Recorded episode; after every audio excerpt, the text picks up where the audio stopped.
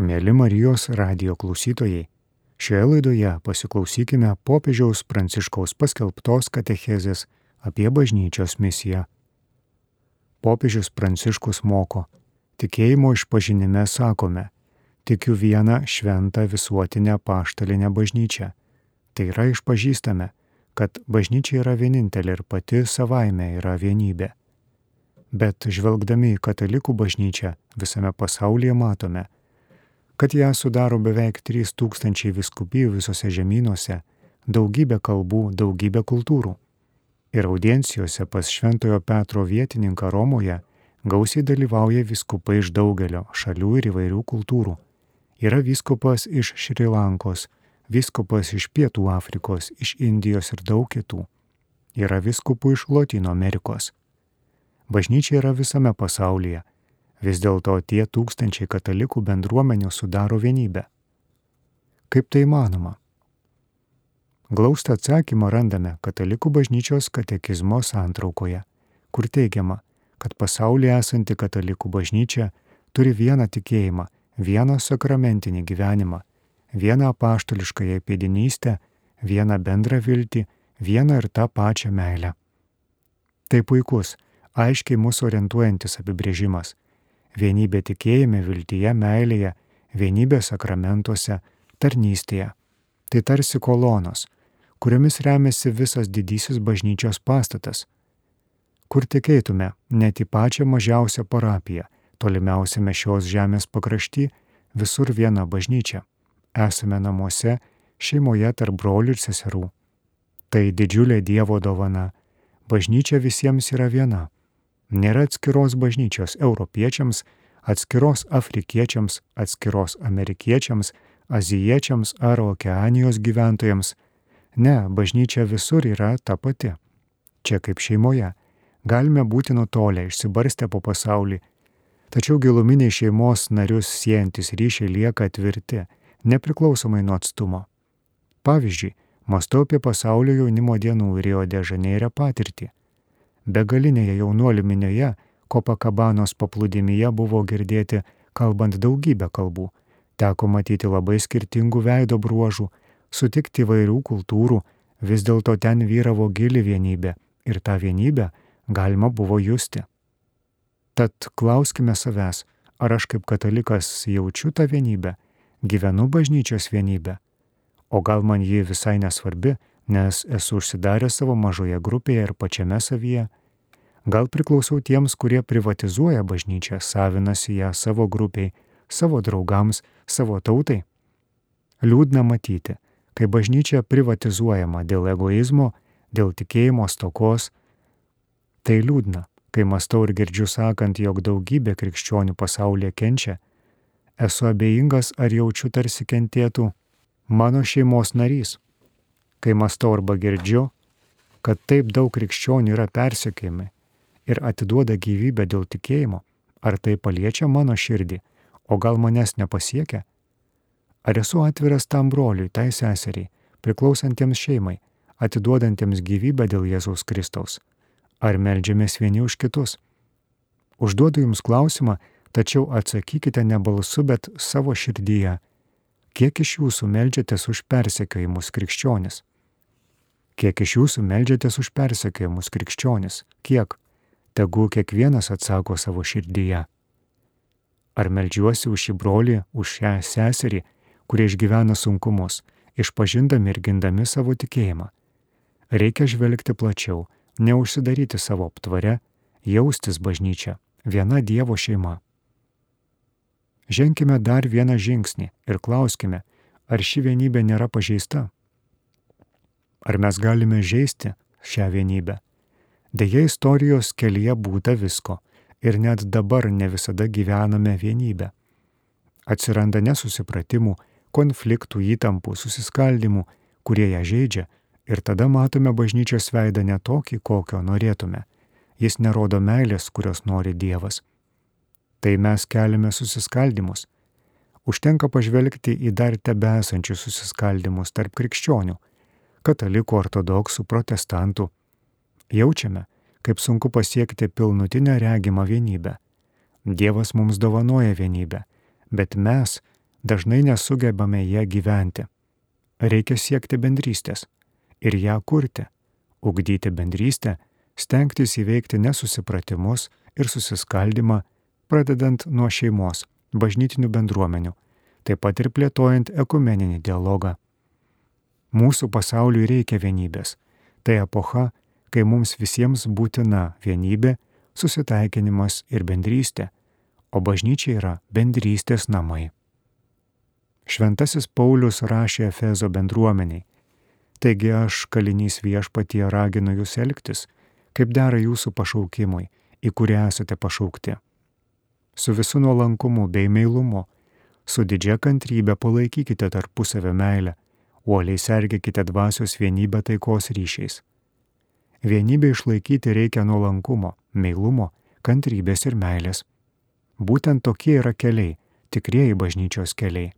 Dar kartą paklausykime. Nuolankumas prieš tuštybę, prieš puikybę, nuolankumas, meilumas, kantrybė ir meilė, siekiant išlaikyti vienybę.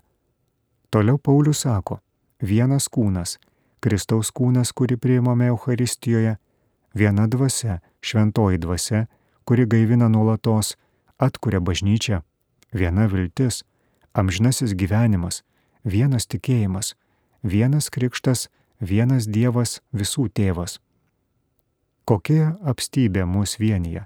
Tikrasis turtas yra tai, kas mus vienyje, o ne kas skiria. Tai bažnyčios turtas. Tegu kiekvienas šiandien paklausia, ar prisidedu prie vienybės ugdymo šeimoje, parapijoje, bendruomenėje, o gal tik plepu? Ar esu susiskaldimų blogybių priežastis? Nežinote, kiek daug blogo bažnyčiai parapijoms bendruomenėms padaro apkalbos. Daro žalą, apkalbos žaidžia. Krikščionis prieš apkalbinėdamas teisių kanda liežuvį.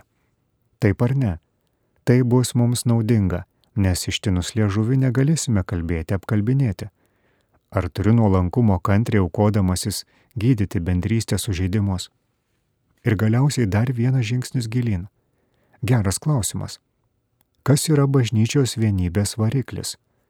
Tai šventoji dvasia, kurią visi gavome priimdami krikšto ir sutvirtinimo sakramentus. Tai šventoji dvasia.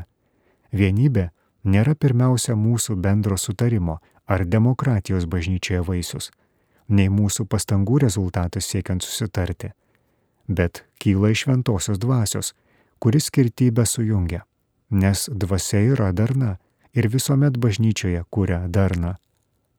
Didžiulėje kultūrų, kalbų ir minčių įvairovėje yra darni vienybė. Šventoji dvasia - variklis. Todėl svarbi malda, kur yra mūsų angažavimuose puoselėti bendrystę ir vienybę sielą. Malda šventai dvasiai, kad jie ateitų ir suvienytų bažnyčią. Prašykime viešpatės. Viešpatė leisk mums būti vis vieningesniems nebūti susiskaldimo priežastimi.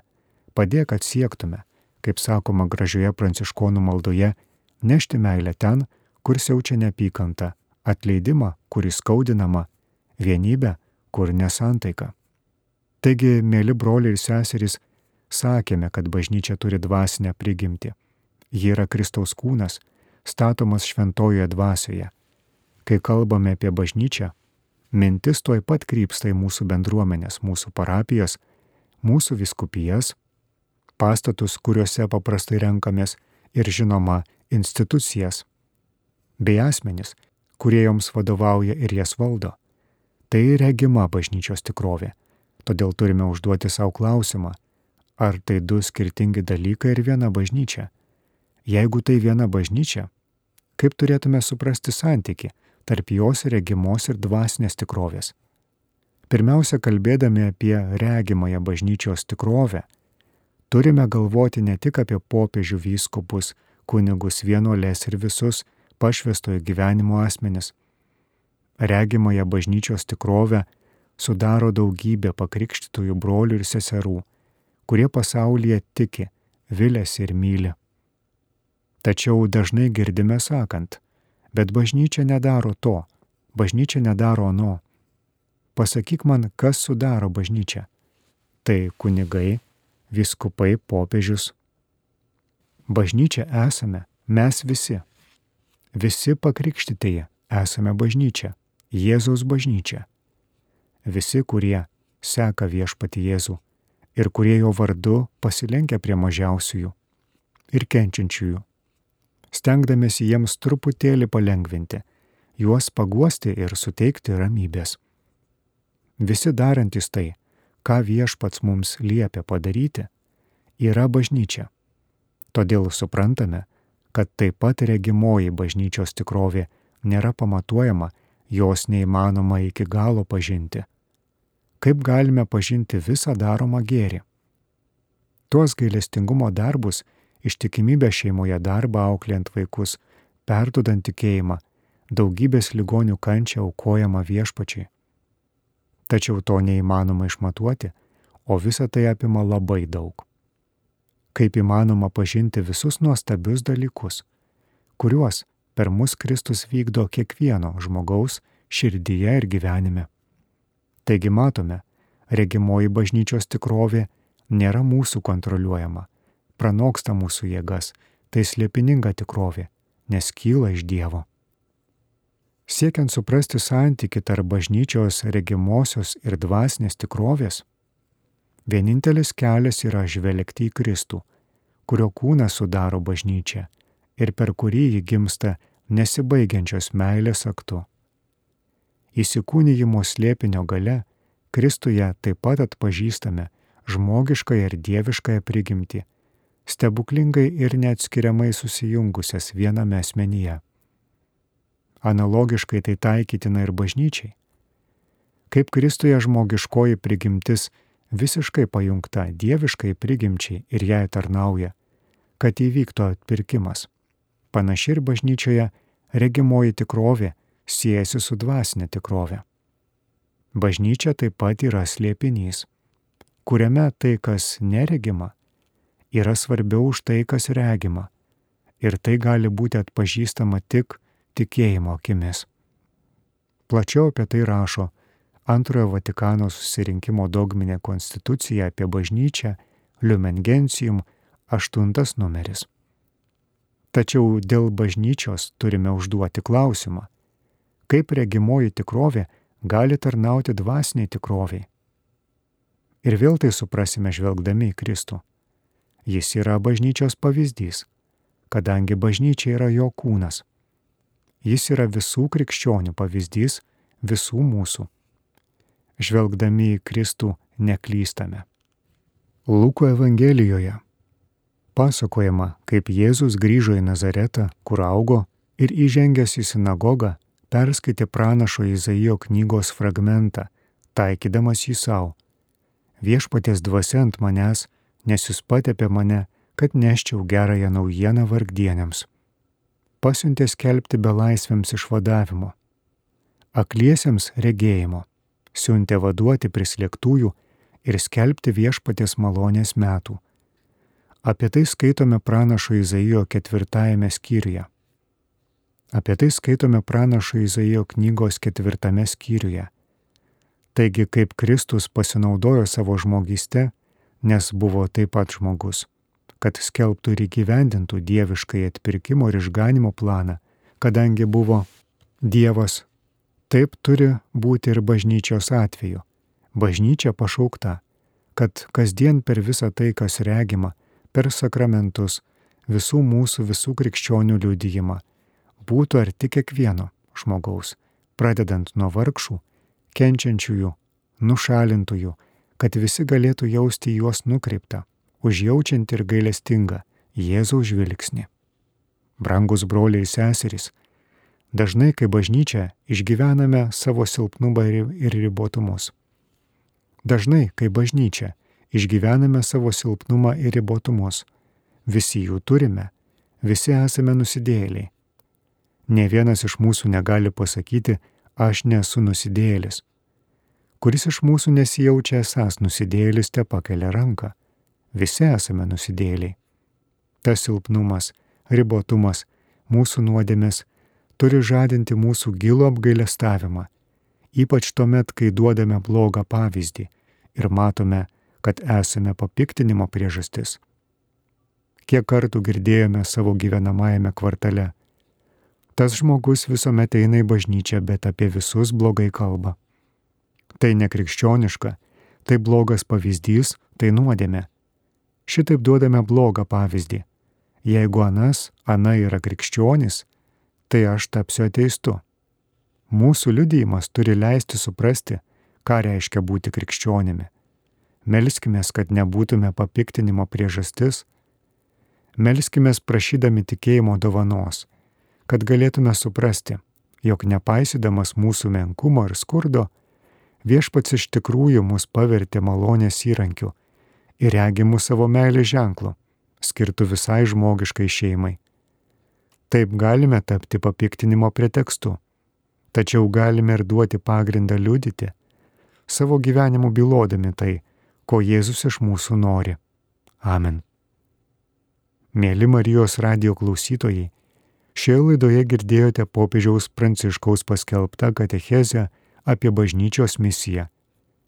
Katekizmas patvirtina, kad keturis esminius bruožus bažnyčia kaip šventa, viena, visuotinė ir apaštalinė ji turi ne iš savęs.